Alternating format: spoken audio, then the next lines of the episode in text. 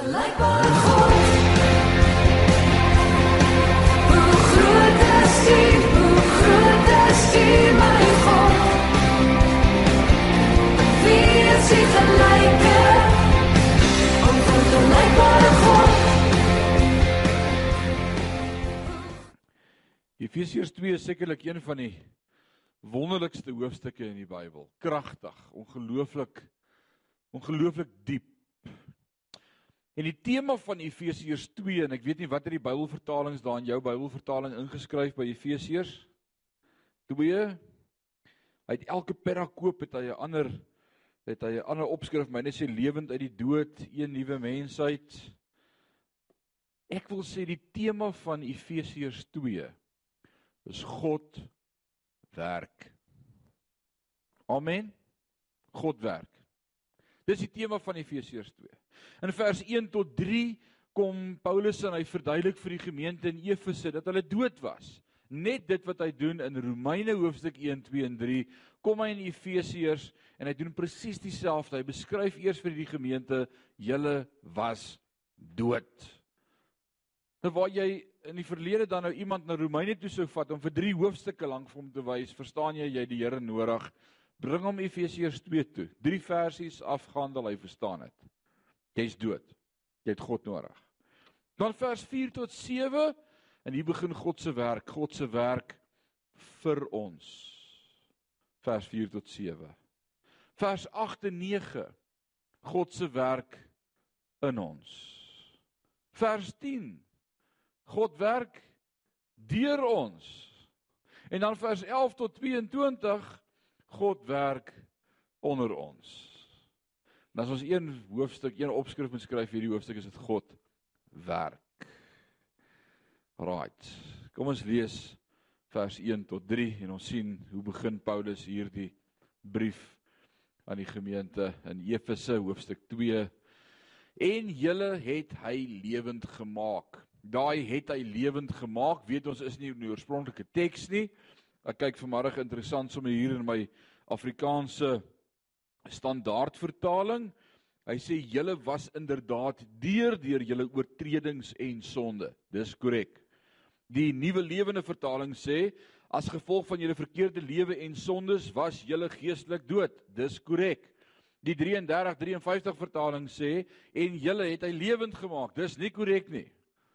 Hy wil nie van die begin af die topik dryf van lewend nie. Hy wil hê jy moet verstaan jy was dood. Die oorspronklike teks het dit nie in nie. En daarom is dit en ek ek praat nie van Bybelvertaling, maar ek dink daarom is dit belangrik as jy Bybelstudie doen by die huis alleen. Hê meer as een Bybelvertaling. En moenie dink daai een is verkeerd en ek lees net die 33 53 vertaling nie. Dis kortsigtig. So die eerste 3 verse se fokus vir hom is eers ons moet besef hoe dood ons was, dan kan jy genade verstaan. So jy vertel eers vir die kind hoe hoe in die moeilikheid is hy voordat jy hom sê maak's nie so kwaad vir jou nie. So in die Bybelvertaling sê daar iets weggevat van die punch van die teks. Dis wat ek sê. Dis nie verkeerd nie. Dis waar. Maar is nie die plek waar dit moet gesê word nie. Ons moet dit eers net nou sê. Uh, en en ek dink dis daai punch wat ons baie keer verloor en en dan dink ons die teks is nie so kragtig as wat die Bybel of die Bybelskrywer intent het om dit te maak nie. En daarom is dit belangrik kry sommer meer as een Bybelvertaling as jy Bybelstudie doen en lees. Moenie kortsigtig wees en dink net hierdie Bybel is reg vir my nie. Dis soos die broer wat op die kerkraad was. Dit was hier in die 1935s en die gemeente het nog die Hollandse Bybels gebruik. En toe met hulle op 'n kerkraadsvergadering besluit gaan hulle nou die Afrikaanse 33 vertaling begin gebruik of bly hulle by die Hollandse Bybel. En toe staan die oom op, toe sê hy as Hollands goed genoeg was vir Paulus, is dit goed genoeg vir my. Nou ek wil net vir jou sê, Paulus was nie Hollands nie en ook nie Afrikaans nie en ook nie Engels nie. Hy was 'n Hebreër en ook 'n Griek. OK? Alraai, great. So wat probeer hy vir hulle sê? Hy sê en julle was dood deur die misdade en die sondes waarin jy tevore gewandel het en daai woordjie gewandel is die woordjie kronkelend. Hy beskryf hoe toe ons agter die sonde aangeloop. Hy sê heel kronkelend en slingerlik.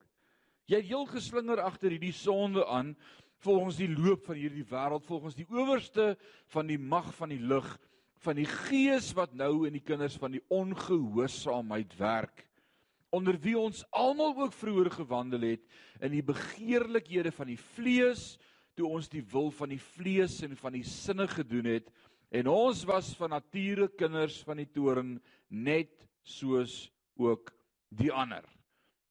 En ek dink die punch wat hy wil dryf, dit wat hy wil sê is ons was dood. Dan kan jy vanaand sê amen.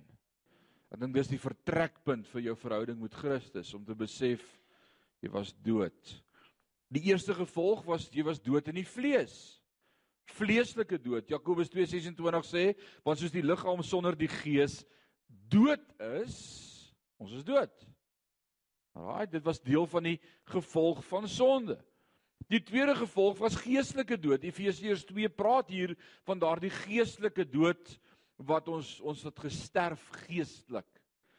En dan derdens bewerk dit ook vir ons se ewige dood waarvan 2 Tessalonisense 1 vers 9 gepraat as hy sê hulle sal as straf ondergaan 'n ewige verderf weg van die aangesig van die Here en van die heerlikheid van sy sterkte. Die ewige dood is om vir altyd geskei te wees van God in die hierdamals. Dis die hel. Ek dink dis wat hel beteken. Geskei van God se teenwoordigheid. En ek en jy, elkeen van ons, elke mens op aarde was dood, maar dan kom vers 4 wat sê maar God. Sê dit gou saam met my. Maar God. En uh, hier's 'n great maar in hierdie storie. Hy sê maar God wat ryk is in barmhartigheid. Nou hierdie vier versies gaan oor dank God, hy werk vir ons. Hy het vir ons hierdie werk gedoen. Dit was nie ek en jy nie. Dit was alles hy. Hy sê maar God wat ryk is in barmhartigheid het ons deur sy groote liefde waarmee hy ons liefgehad het ook toe ons dood was deur die misdade lewend gemaak saam met Christus uit genade is jy gered en saam opgewek en saam laat sit in die hemele in Christus Jesus sodat hy in die eeu wat kom kan betoon die uitnemende rykdom van sy genade in goedertierenheid oor ons in Christus Jesus. Oh man, is awesome. Is dit nie great nie? Dank God vir sy genade. Dank God vir sy liefde. Dank hy dank hom dat hy ons lewend gemaak het. Ek hoor die berig van 'n 14-jarige dogtertjie met die naam van Robin Crabtree. Robin is alleen by die huis en sy verwag haar ma en haar pa enige oomblik van die werk af. En Robin wil hulle skrik maak. En sy gaan kruip weg in die kamer in die hangkas. En pa en ma het bietjie laat gedraai op die pad en hulle kom by die huis sit hulle sleutels in die voorportaal neer, pa stap kamer toe en toe hy in die kamer kom en sy hoor die voetstappe, toe begin sy teen die kas deurkrap. Hy skrik, gryp na die revolver in die bedkassie voor die bed. Skiet 'n skoot deur die kas en sy meisiekind val uit die kas uit. Hy het haar in die nek geskiet. Wat 'n prentjie terwyl sy lê en bloei die laaste uur van haar bewussyn voordat sy 6 ure in 'n koma was voordat sy gesterf het op die kamervloer terwyl hulle wag vir die paramedici om te kom. En hy sy hand op haar nek hou om die bloeding te probeer stop. Dis die enigste woorde wat aangeteken is vir ons dat sy sê is daddy I love you. I love you. I love you. Daddy. I love you. Sjoe. Dit was genoeg om my te laat jank.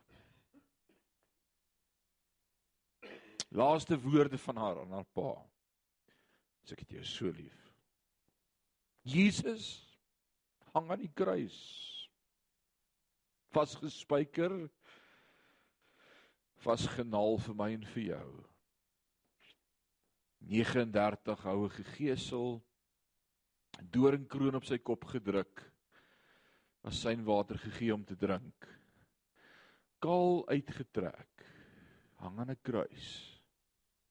Terwyl aan die kruis hang, roep hy die woorde uit. I love you, I love you, I love you.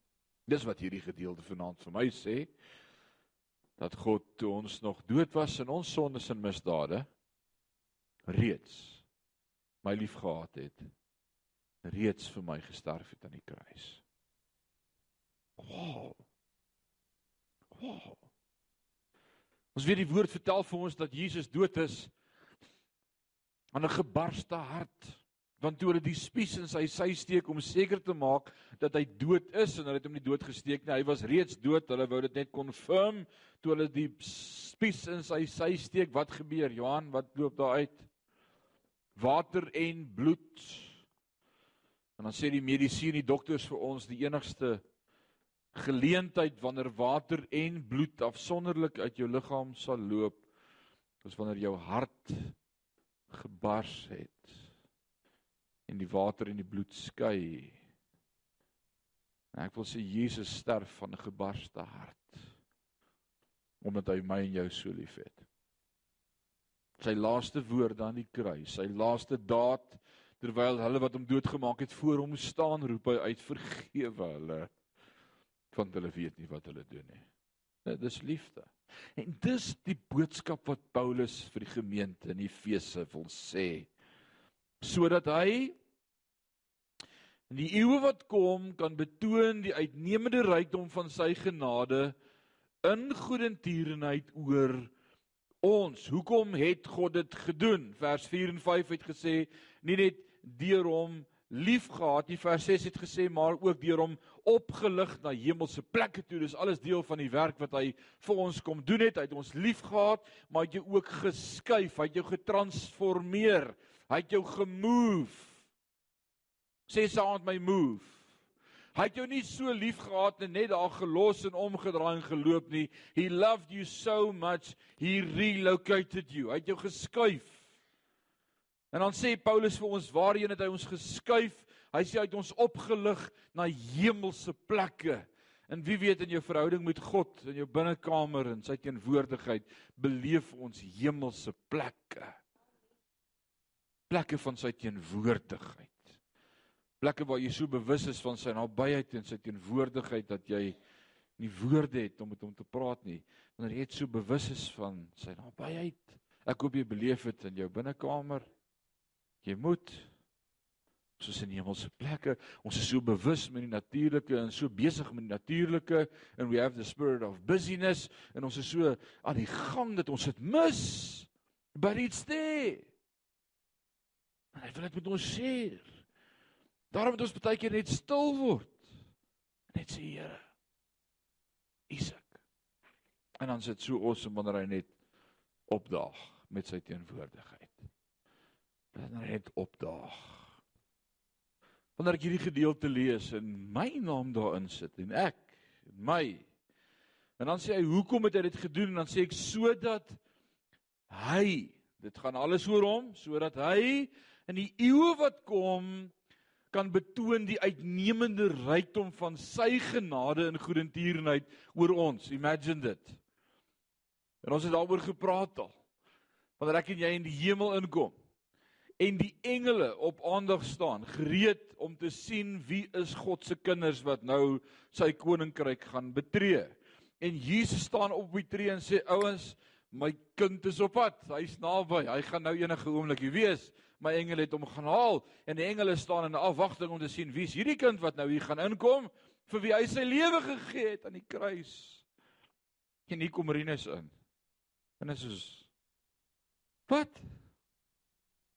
Nou wat so spesiaal aan hom? Ons ken sy triks. Ons het geweet toe hy op aarde was, hoe was hy? Regtig? Hoe het hy dit reg gekry? En dan sê Rom, uh, Romeine Efesiërs 2 vers 7 sodat God Jesus, hy in die eeu wat kom vir sy engele kan sê kyk hoe ryk is my rykdom en barmhartigheid en genade. Ek het besluit om Marinus te red. Is ek nie 'n genadige God nie? Man, it's amazing. Sien, dis nie oor ek en jou nie.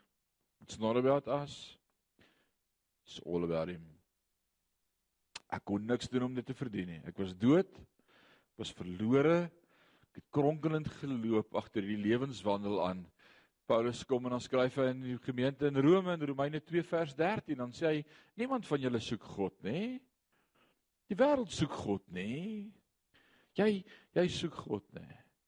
Maar hy jou kom soek. It's amazing. Ons gaan vanaand verder daaroor gesels. Nie net vir ons nie, vers 4 tot 7 nie, maar ook God werk in ons. Wie kan sê amen? Vers 8 en 9. God werk in ons. Hoe werk hy in ons? Want uit genade is jy gered. Deur die geloof en nie dit nie uit jouself nie. Dit is 'n gawe van God.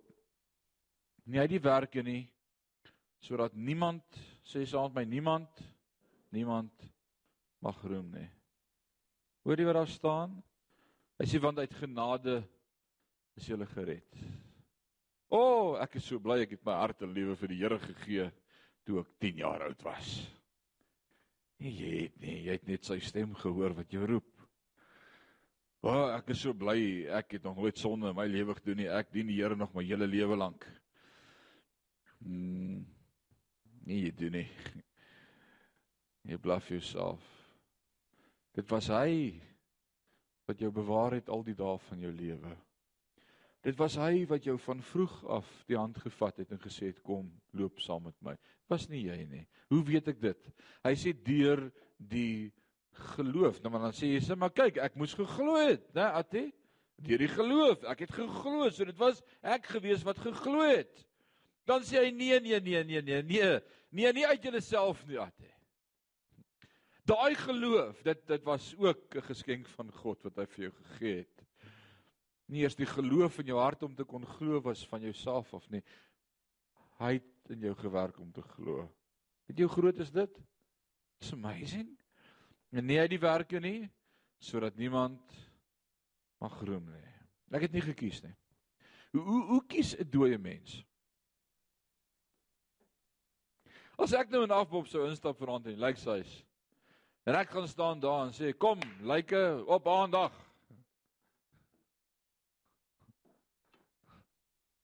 Dink jy daar gaan iets gebeur? I, I wish not. Anders gaan ek rekord hardloop te. Dit toeks. Dalk staan iemand op. Uh, ek weet nie van jou nie, maar 'n lyk is is 'n dooie ding.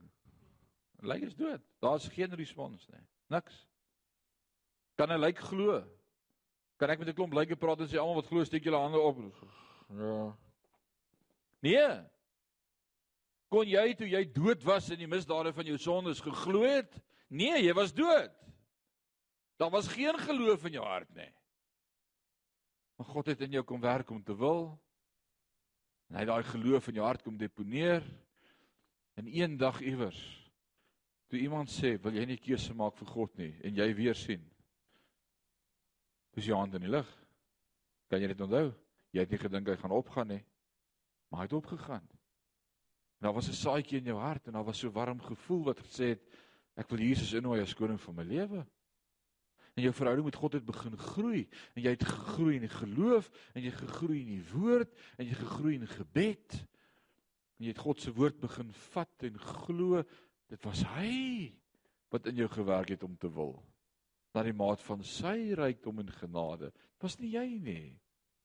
Dit was nie jy nie. Dit is alles hy. Genade. Grace, grace beteken wat God's riches at Christ's expense. Was jy ek? Was alles hy. Sê God sê Jesus nie self vir ons in Johannes, hy sê niemand kom na die Vader as die Vader hom nie trek nie. Jy kan nie eers na die Vader kom as hy jou nie roep nie. Jy kan nie. Weet jy hoe groot is dit om vanaand te besef in my lewe dat die Vader my kom roep het. O oh man. Is dit nie amazing nie? Johan, wat sê jy? Alraai, dis 'n insight. Awesome. En dan vers 10 sien ons God se werk deur ons. God werk deur ons. Wat doen hy deur ons? As jy vir ek wil hê jy moet verstaan wat is jou posisie in hierdie verhouding, in hierdie vergelyking. Hy sê want ons is sy maaksels. En die vraag wat dan na vers 9 gevra word, as hy vir jou sê uitgenade is jy gered deur die geloof, nie net jouself nie, dit was 'n gawe, nie uit die werk nie sodat niemand mag roem nie, dan kan jy sê, nou genade dan, wie is ek dan? Hoekom ek? Om vers 10 antwoord hy dan sê hy, want ons is sy maaksels, hy het jou gemaak. Hy het jou geskep, hy het jou geformeer. He created you. Geskape in Christus Jesus tot goeie werke wat God voorberei het sodat ons daarin kan wandel. Nou hier hier kom nou 'n interessante ding. Hy begin deur vers 1 tot 3 vir my te verduidelik hoe het ek gewandel? Hoe het ek gewandel? Hy het gesê al kronkelend. Dis hoe jy geloop het agter die duiwel aan. Al kronkelend. Jy was verslaaf. Jy het na alles gegryp. Jy het alles geglo. Jy het almal vertrou. Kronkelend. En nou kom vers 10 die kulminasie van hierdie gedeelte, die vervulling daarvan en hy sê hoe loop ek nou dat ek verstaan wat Christus vir my gedoen het, dat dit hy was wat in my gewerk het om te wil, dat dit nie ek was nie. Hoe loop ek nou? Daar was 'n transformasie, daar was 'n transisie gewees.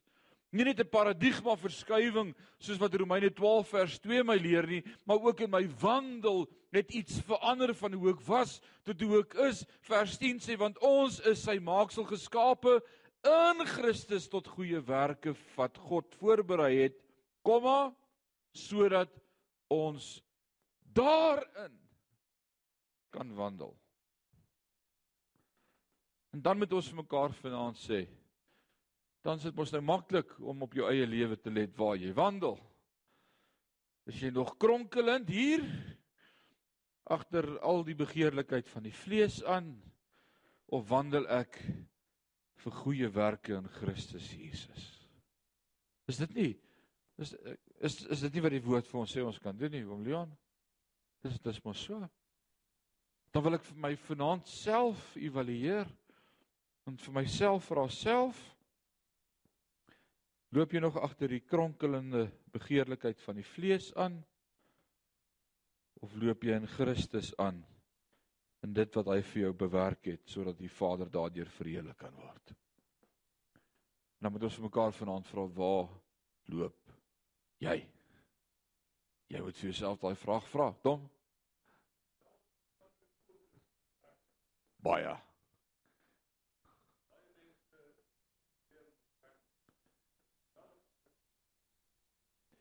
Om Tom sê hier's 'n totaal en al 'n ander fokus op werke want ek bedoel hy het dit nou net herhaal. Hy het vir ons gesê in vers 9 en 10 nee nee nee nie deur werke nie.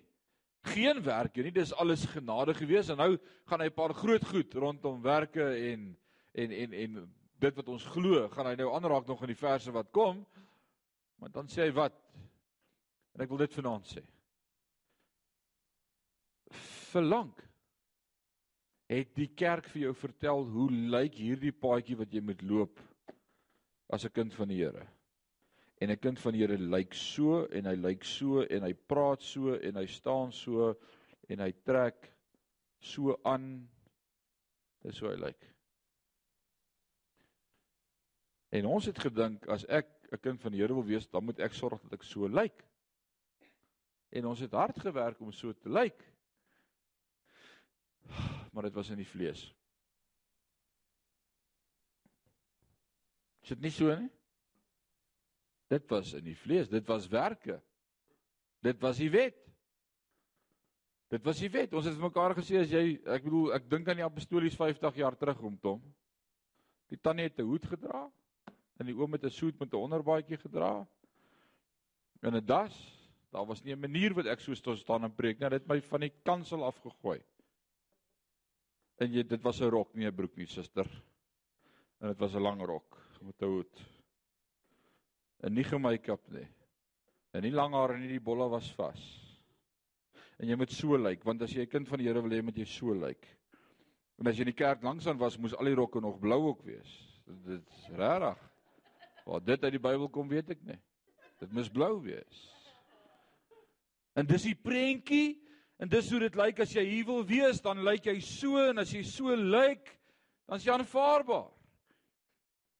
En baie van ons mense het so gelyk. Maar hier binne het ek maar nog steeds kronkelend geloop in hierdie wêreld. En dan die kerk 'n slegte naam gekry om te sê, "O, julle kinders van die Here." Ek doen nie met julle besigheid nie. Jy moet net nie met daai mense dit doen kry nie. Hoekom het die kerk 'n slegte naam gekry? Want ons het gepreek dis die vorm, jy moet daarin pas plaas om vir jou te leer.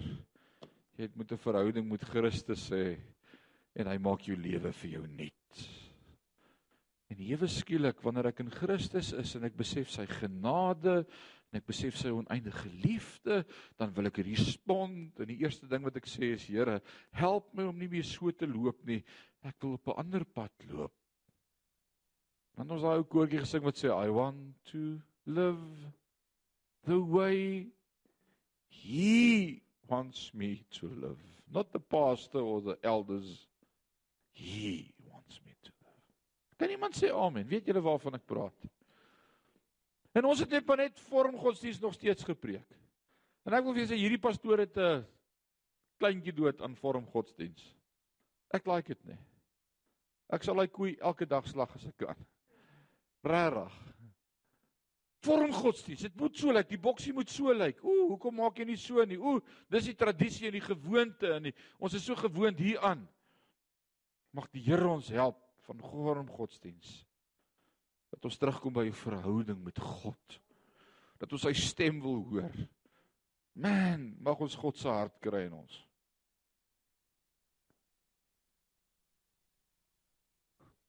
Oom Leon sê awesome ding. Hy sê God se gees getuig met my gees dat ek sy kind is. Ek is nie in 'n vorm en ek sis myself vanaand deur te sê, "Hoe, dat ek net al die tiks aftik. Ek het my tiene gegee. Ek was 3 keer die maand in die kerk. Ja, nee, tik tik tik tik tik. Ja. Nee, okay, ek dink ek gaan daar in hemel toe nie. Geen tik. Kan jy hemel toe vat? En dis wat Paulus hier probeer sê. Nie hy die werke nie sodat niemand mag roem nie. Jy kan nie roem in jou lysie en al jou tiks nie. Dan se tiks vir jou.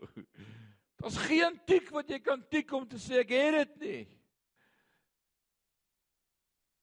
Daar's nie.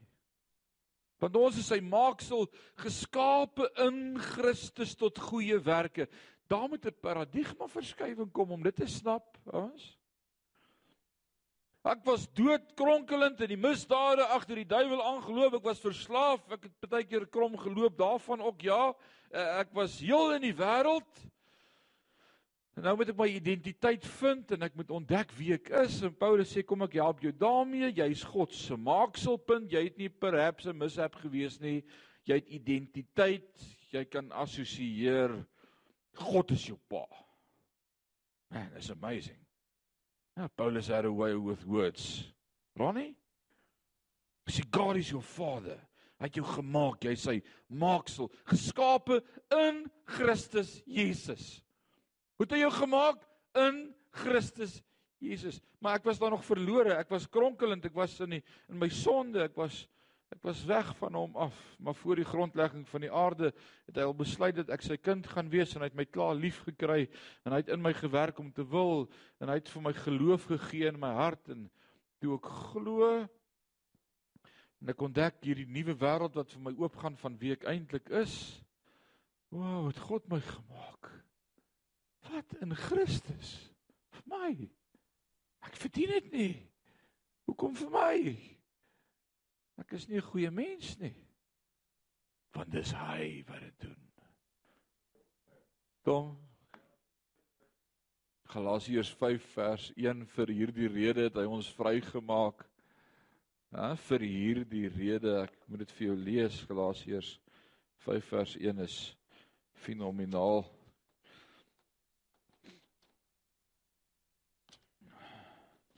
Dis net voor Efesiërs Galasiërs 5 vers 1 sê om vry te wees. Nou dis die Griekse woordjie aleutheros as jy gewonder het. Om vry te wees, dit is waarvoor Christus ons vrygemaak het. Maak seker dat jy vry bly en moenie weer onder die sleepjuk vasgebind word nie. Dis dis 'n mooi vertaling. Hoor wat sê die Afrikaanse standaard vertaling. Hy sê vir vryheid het Christus ons vrygemaak. Staan daarom vas en word nie weer onderwerp aan die juk van slawerny nie.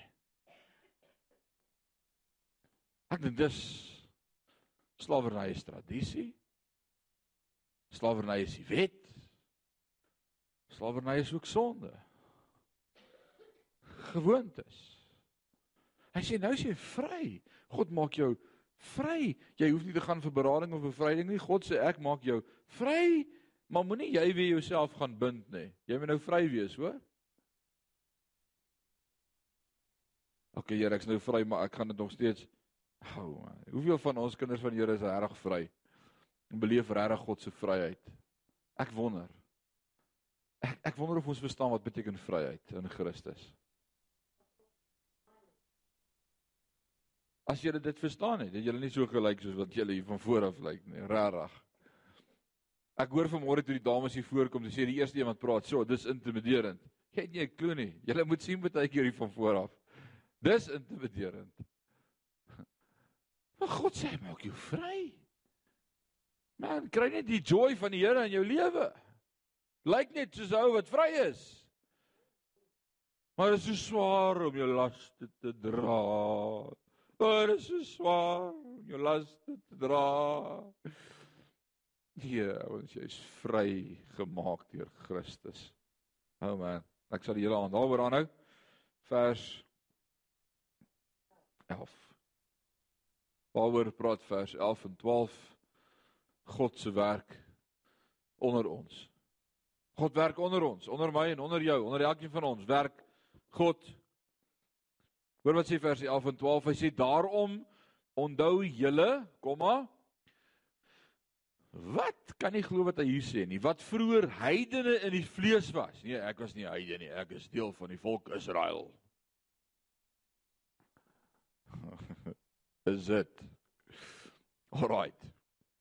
Paulus sê daarom onthou julle dat wat vroeër heidene in die vlees was en onbesnedenis genoem word deur die sogenaamde besnydenis wat in die vlees met hande verrig word dat julle in die tyd sonder Christus was vervreem van die burgerskap van Israel en vreemdelinge ten aansien van die verbonde van die belofte sonder hoop en sonder God in die wêreld. Dis 'n mondvol Johan. Hæ? Ek dink jy kan 'n teses doen op hierdie twee verse. Dis 'n mondvol. Hy sê daarom moet jy een ding onthou.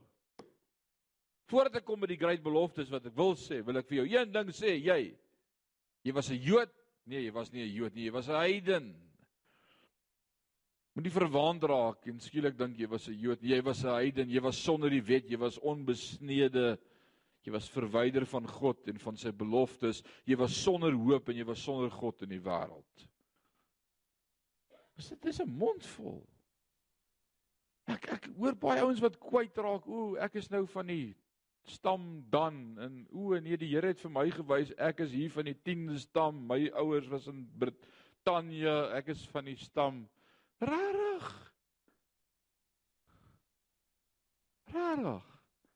Of die verlore stam hier in die suidpunt van Ader hier hier in Afrika is ons nou die 12de verlore stam wat bymekaar gekom het. Al die blankes hier in Suid-Afrika is nou skielik Jode. Rarig. En Paulus was bang ons gaan 2000 jaar later met sulke nonsens besig geraak. So hy hy het gevoel is belangrik om dit in te skryf en vir jou te sê, "Hey, hey. Hey, moenie vergeet waar jy was nie. Jy was nie 'n Jood nie, jy was 'n heiden in die vlees onbesnede sonder Christus vervreemd van die burgerskap van Israel vreemdelinge ten aansien van die verborgde van die belofte sonder hoop sonder God in die wêreld, jy het geen toekoms gehad nie. Dis wie jy was. Dis nie wie jy is nie, dis wie jy was. Maar sê saam met my maar. Maar dank God vir hierdie maar. Maar nou in Christus Jesus. Hier, kom 'n nuwe ding wat hy aanraak. Hy, hy praat van om heiden te wees versus om deel van God se volk Israel te wees wat die belofte aangeneem het. En, en nou sê hy nie nou nou is julle deel van Israel nie. Maar, maar is dit nie verkeerd nie? Ek bedoel as ek nou in Christus glo, Christus was 'n Jood, hy het gekom vir die Jode, hy was die Messias van die Jode, soos ek in hom glo word ek mos nou 'n Jood. Nee, dan is dit deur mekaar. En dis ons nuwe entiteit, Christus. Ons is nou in Christus. En dis die punch wat hy van die begin af van die boek Efesiërs se eerste vers af dryf in Christus. Saam met hom in hemelse plekke, geseënd in hom, met hom, deur hom, van die begin af in hom. Dis wie jy is. Hy sê maar nou in Christus Jesus het julle wat vroeër ver was. Daai woordjie ver was kan die woordjie dood was, dit kan die woordjie was sonder God was, dit kan die woordjie wees verlore was. Dis wat daai ver beteken. Hy sê maar nou in Christus Jesus het julle wat vroeër ver was. Dit was dit beteken in jou glory in was. Jy was verlore. Naby gekom Hoe? Deur die bloed van Jesus Christus. Nothing but the blood of Jesus. What can wash away my sins? Nothing but the blood of Jesus. What can make me whole again? Nothing but the blood of Jesus. Oh, precious blood. Is dit nie beautiful nie? Sy bloed. Sy prys aan die kruis, sy gebarste hart, sy liefde vir jou, die bloed wat gevloei het, die bloed van Christus. Want hy is ons vrede. Jehovah Nisi. Wat is Jehovah Nisi? My banier. Wat sê my banier waarmee ek loop? Vrede. Vrede. Vrede. Daar's nie meer vyandskap tussen my en God nie. Dis die wit vlag. Skiet stilstand. God is nie kwaad vir jou nie, hoor. God is nie besig om jou te straf nie. Jesus het 'n skietstilstand bewerk tussen jou en die Vader. Sy liefde wat hy vir jou gegee het deur sy bloed aan die kruis het gesê vrede. Moenie dat die duiwel vir jou kom vertel God is ver van jou af en hy's besig om jou te straf nê. Sy banier oor jou is vrede. Vrede.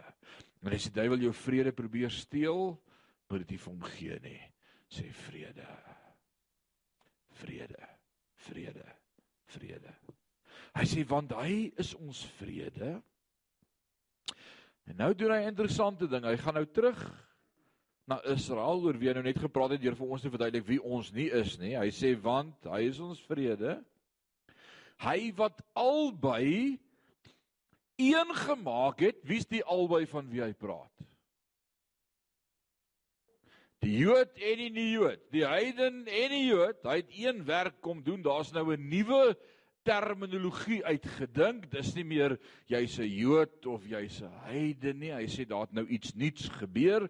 Hy wat albei een gemaak het en die middelmuur van skeiding afgebreek het, sê het. Dis dan, dis verlede tyd, dit het klaar gebeur. Deurdat hy in sy vlees die vyandskap tot niet gemaak het, naamlik die wet van gebooie wat in insettinge bestaan sodat hy deur vrede te maak die twee in homself tot een nuwe mens kon skep sê nuwe mens en albei in een liggaam met God kon versoen deur die kruis sê saam met my kruis nadat hy daaraan die vyandskap doodgemaak het. Man, hierdie weer lê 'n paar teologiese redenasies. Hy sê jy kry Jode, jy kry heidene. Ja, jy het kronkelend gewandel in die vorige lewe. Maar as God op die toneel kom, ja, ek praat met julle ook Jode en met julle heidene. Toe God kom, toe word julle in hom. En hy het julle saamgevoeg in een nuwe liggaam. Wat is hierdie een nuwe liggaam waarvan hy praat? Wat is hierdie een liggaam? Dis in Christus, maar wat noem ons hierdie entiteit nou? Hierdie wat wie is hierdie ouens? Ons is nou nie meer Jode nie, ons is nou nie meer heidene nie. Wie is ons nou? Sê saam met my kerk of bruid. OK, ons is kerk. Huisgenote. Die kerk van die Here Jesus Christus. Wat sê jy, Martie? Ons is nou kerk. So met ander woorde nou sien ek skielik hierdie prentjie verander. Hier's nou drie partye. Jy kry jou Jode wat nog deur die wet gered wil word en wag vir die Messias. En dan kry jy die heidene, dis die ouens sonder God wat verlore is en hulle weet dit eers nie. Hulle loop kronkelend na die agter hulle eie vlees en begeerlikhede aan. En dan Christus uit ons albei uit die kruis gestel as middelpunt van redding. En as ons in die kruis glo, is daar redding in Christus en nou staan 'n nuwe entiteit, die kerk. En die kerk bestaan uit ex-Jode en ex-heidene. Maar nou is ons almal kinders van God. Is dit nie wonderlik nie? So, nou praat hy van kerk. Hoor wat sê vers 17 en 18. Hy het die evangelie van vrede kom verkondig aan julle wat ver was en aan die wat naby was, dis die Jode. Hy het julle altyd die evangelie kom verkondig van vrede want deur hom het ons albei sê albei daar's nog steeds net Jesus sê ek is die weg die waarheid en die lewe en niemand kom na die Vader behalwe deur my nie. Albei het toegang want deur hom het ons albei die toegang deur sê een gees tot die Vader. As dit een manier om na God te kom daar's net een manier o jy's 'n Jood jy die wet, jy die Torah. O, jy's verlore. Hier's Christus. Sy gees trek jou. Jy respond en jy word deel van sy kerk. Dit is dis dit, dis hoe dit werk. Nou nog steeds God se werk onder ons. Hy het een nuwe liggaam geskep vers 15 en 16. Een nuwe liggaam, die kerk in die oë van die Jode is dit onmoontlik dat ons as heidene redding kan beleef en ervaar. Dis onmoontlik. Dis onmoontlik vir die Jode om te glo dat heidene by God kan uitkom. Dis onmoontlik. Daarom haat die Israeliete ons as ons in Israel toer. Hulle spoeg op jou as jy verbyloop. Hmm. Those who've been there experienced it haat jou. Want hoe kan 'n heiden by God kom? Dis net vir die Jode. Onmoontlik om deel te word van een liggaam. Jode het gedink heidene bestaan net vir een doel. Maar hier kom dit nou. Dalk het jy dit al gehoor, dalk is dit vir jou nuwe nuus. Die Jode het geglo die enigste rede waarvoor heidene op aarde is, is vir vuur maak hout in die hel. To keep the hell burning. This is that's the duty. As jy met enige Joodse rabbi praat oor hulle persepsie deur Israel se geskiedenis oor heidene, dan sal hulle vir jou gesê ons het gedink hulle het net een doel. Die meeste dink dit nog steeds. En dis om die hel in die brand te hou eendag. Right. As jy per ongeluk as 'n Jood aan 'n heiden geraak het, weet jy vinnig by die huis kom, jou klere verbrand en die hele reinigingsritueel volg om jouself te reinig en dan is jy onrein tot die aand toe. En arme Delena het nog in die middel van die aand aan die Jood geraak. Hy was vir 'n hele dag onrein, Delena. Jy het hom so opset. Ons is daar onder in Benjahuda straat stap ons af en ons kom by daai ou straatmark waar hulle al die produkte verkoop en is net stalletjies en stalletjies en Delena sien hoe sien hierdie ou tradisionele Jood ortodokse Jood man sit sy pakkie neer en hy koop iets en hy vat sy ander pakkies en hy draai hom en hy stap en hy vergeet sy pakkie daar. En sy dog sy doen hom 'n guns en sy vat die pakkie en hardloop nader, gryp hom aan sy klere. Hy draai om en kyk vir die hond. En sy sê vir hom dis is yours en sy druk dit in sy arm. Helena, wat het hy gedoen? Hy het hom vrek geskrik. Het hy die pakkie gevat? Hy het so geloop, hy wou nie nee. Sy akkie pakkie aan sy vinger. En toe sy terugkom, toe wat sê die shop eienaar vir jou? No, no, no, no, no. You don't touch, don't touch. Hy maak die Jood onheilig. Hy haat jou.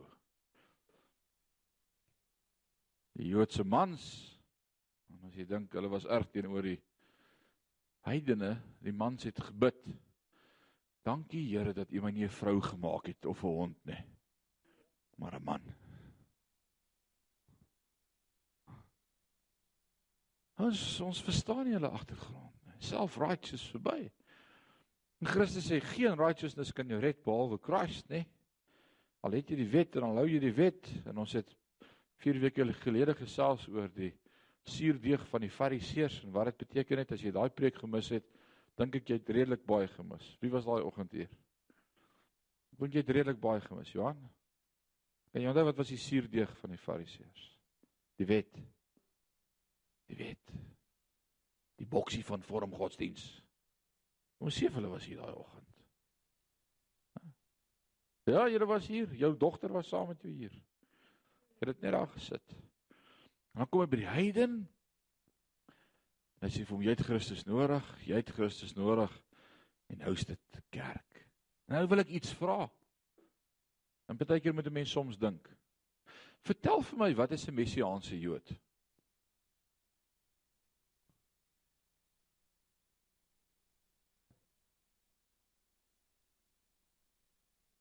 Want ek dink nie mense is veronderstel om iets te kry soos 'n messiaanse Jood nie.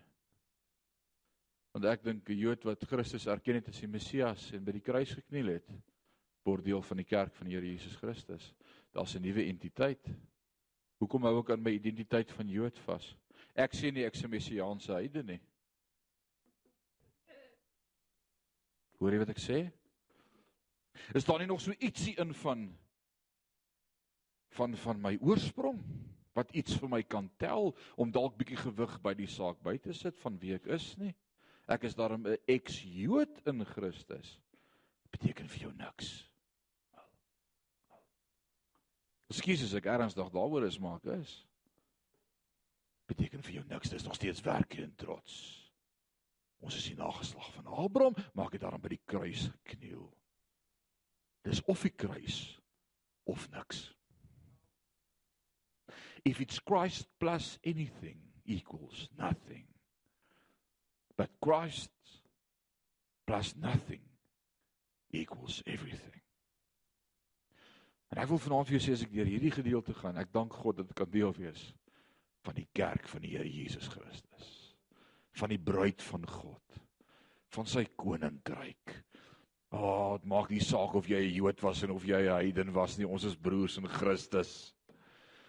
Maak nie saak hoe dood jy was nie, maak nie saak hoe rof jy gelewe het nie, maak nie saak wat jou verlede was nie, maak nie saak waar die lewe jou gaan draai het nie. As jy in Christus is, is jy 'n nuwe skepsel. Die ou dinge het verbygegaan. Jy het 'n nuwe naam, jy het 'n nuwe identiteit. Jy's deel van die kerk van die Here Jesus Christus. Dink gou saam met my, wat dra Jesus aan die kruis? Wat se klere het hy aan aan die kruis? Want jou klere in daardie dag wat jy gedra het, het jou tradisie en jou assosiasie bekend gemaak aan ander. As ons in Israel loop en jy sien daardie ortodokse Jood met sy swart rok, dan weet jy hy's 'n Jood. As jy die Pakistan sien met die tolband om die kop en om die lyf, dan weet jy hy's 'n Arabier of hy's 'n Pakistan of hy's 'n wat. Dit gee iets van wie jy is. As jy 'n kort broek en 'n uithang hemp en plakkies het, weet hulle jy kom van Suid-Afrika of hulle dis iets van wie jy is. Jou klere drag sê vir wie jy staan. Jesus word opgehef van die aarde af. Hy sê if you be lifted up from the earth I will draw all men unto me. En hy word opgehef daardie dag aan die kruis.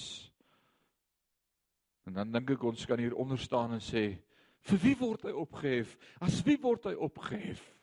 Wie kan assosieer met hom as die Messias? Hy het nie klere aan nie. Hy's naak cross cultural kruis etnies kan almal met hom assosieer. Hy hang nie daar as 'n Jood nie. Hy hang nie daar as 'n Filistyn nie. Hy hang nie daar as 'n heide nie. Hy hang daar as verlosser van die wêreld. Wow. En as jy dink Jesus was wit, hy was 'n Jood. Right. Christus het nie kleur nie. Dis vir almal wat glo. Moet ek dit weer sê?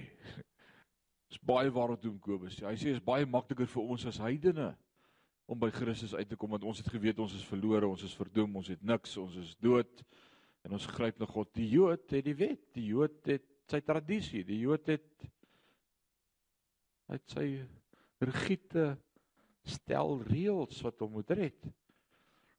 Maar onthou een ding. Onthou een ding. Dis nou die dispensasie van kerk. En God deel nou met die kerk. Dis nou ons vensterperiode van genade. 2000 jaar van kerk. Voor dit het God vir 5000 jaar met die Jood gedeel. Wat vir 4000 jaar. En nou is dit die vensterperiode wat hy sê ek maak dit vir die heidene ook oop. Gaan lees dit daar in Romeine 9:10 en 11 verduidelik dit pragtig vir ons. Dis nou die tydperk van die heiden. En dan wat gebeur aan die einde van die kerkperiode? Einde van Openbaring 3. Die kerk skuif van die aarde af hemel toe, wegraping. En dan sien ons die 7 jaar verdrukking op aarde, Openbaring 6 tot die helfte van 19. En wat gebeur in die 70ste week van Daniël. Daai laaste 7 jaar. God deel weer met Israel. Right. Dis nie nou Israel se tyd nie, dis nou ons tyd. Wie dank God daarvoor? Man, it's time for church. In die Ou Testament was dit dit was weggesteek, dit was 'n verborgenheid. En nou verstaan die Jode nie wat nou aangaan nie, want nou kom heidene skielik reg oor die wêreld tot bekering en glo in hulle Messias. Dis nie julle tyd nie, julle het julle kans gehad, maar God gaan weer met julle deel en dis weer eens God se genade. Is dit nie great nie? Efesiërs 2 is awesome, is dit nie? Dit dit dit slaan net so wye groot spul dinge raak. En oor alles wil ons net sê God werk. Dan jy sê God werk staan saam met my dan bid ons saam. Wow, Vader, ons het vanaand klomp goed gesels. Paulus het 'n fenominale manier om soveel te sê en dit vir ons soveel in te kleer en detail te skets. Vanaand hierdie wonderlike wonderlike woord En dan dink ek aan die kruis. Toe alles gedoen is wat moes gebeur. Daardie laaste kruiswoord wat sê Tetelestai. Dis klaar. Dit's dan. Vir die Jood is dan. Vir die heiden it's done. Done. In Christus Romeine 8:1 is daar geen meer veroordeling vir die wat in Christus is nie. Dankie daarvoor. Dankie dat U ons kom haal het toe ons nog blind was in ons sonde, toe ons kronkelend geloop het in hierdie wêreld. Dankie dat U genade aan ons betoon het 2000 jaar terug reeds aan die kruis. Dankie. Dankie. Dankie. Dankie vir Christus. Dankie vir die kruis. Dankie vir sy bloed.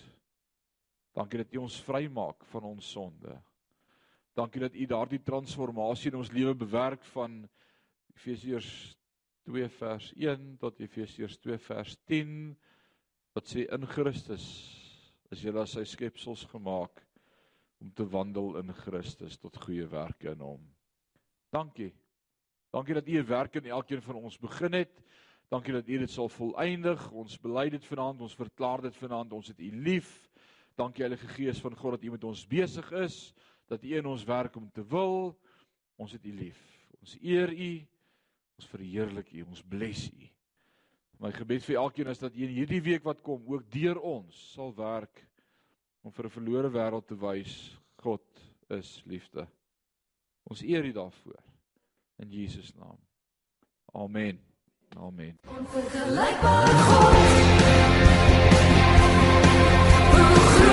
is U, groot is U my God. Wie is U genadig?